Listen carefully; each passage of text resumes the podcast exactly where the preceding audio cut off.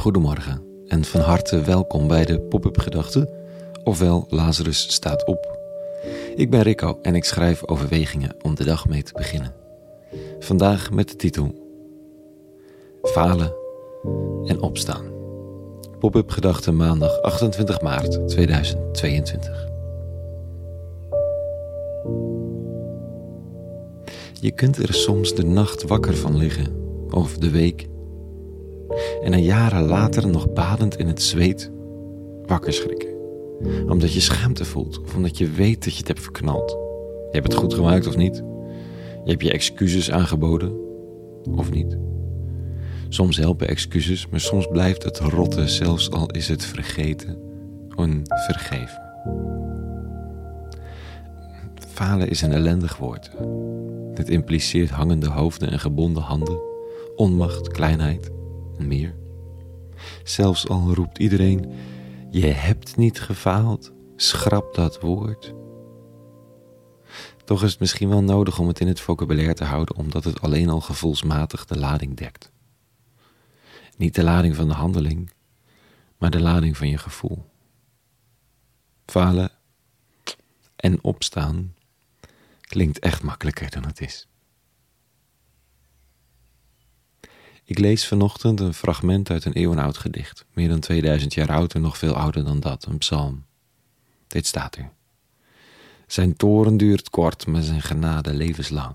De avond brengt geween, de ochtend blijdschap. Eer, luister en ontferm u over mij. Mijn God, sta mij zijde met uw hulp. U hebt mijn rouwklacht in een vreugdedans veranderd. U zal ik loven, Heer, mijn God, in eeuwigheid. Dit is de ervaring van de dichter. Maar misschien is het toch veelal, vooral de hoop van de dichter. Mogen het verdriet over de gemaakte fouten, de stommiteiten, de verkeerd gekozen afslag of de zwakte, de onhandigheid of de misser, ja, die, die je wakker houdt s'nachts, mogen die kortdurend zijn. En mogen de felheid van de consequenties, mogen die van voorbijgaande aard zijn zodat er ruimte is voor vernieuwing, voor opstaan, voor leven. Met littekens, met een pijnlijke beurse plek op je ziel, maar dat er ruimte is. Een ruimte die, gek genoeg, groter en lichter voelt na herstel dan voordat herstel nodig was. Dat je dankbaarder bent voor een wereld waarin je met een litteken leeft, omdat je het hebt overleefd, dan in een wereld waarin je nog niet bewust was van de hoeveelheid pijn die het leven kan doen. Zo wordt de rouwklacht een vreugdedans. Niet de rouw om de verloren geliefde, daar gaat deze tekst niet in eerste instantie over.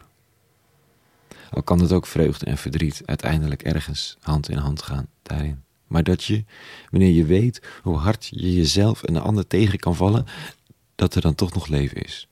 Als leven na de dood.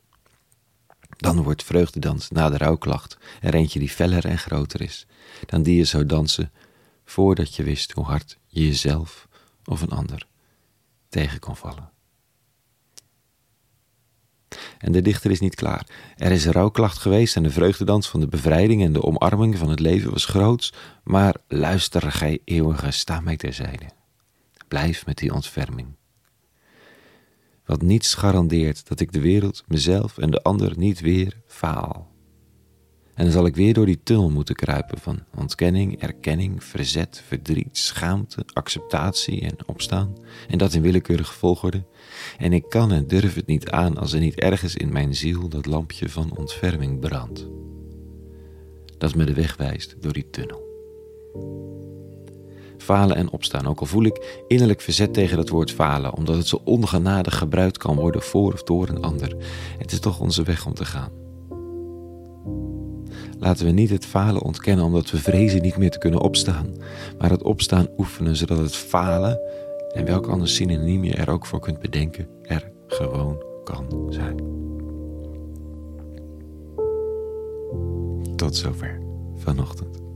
Een hele goede maandag gewenst vandaag en vrede. En alle goeds.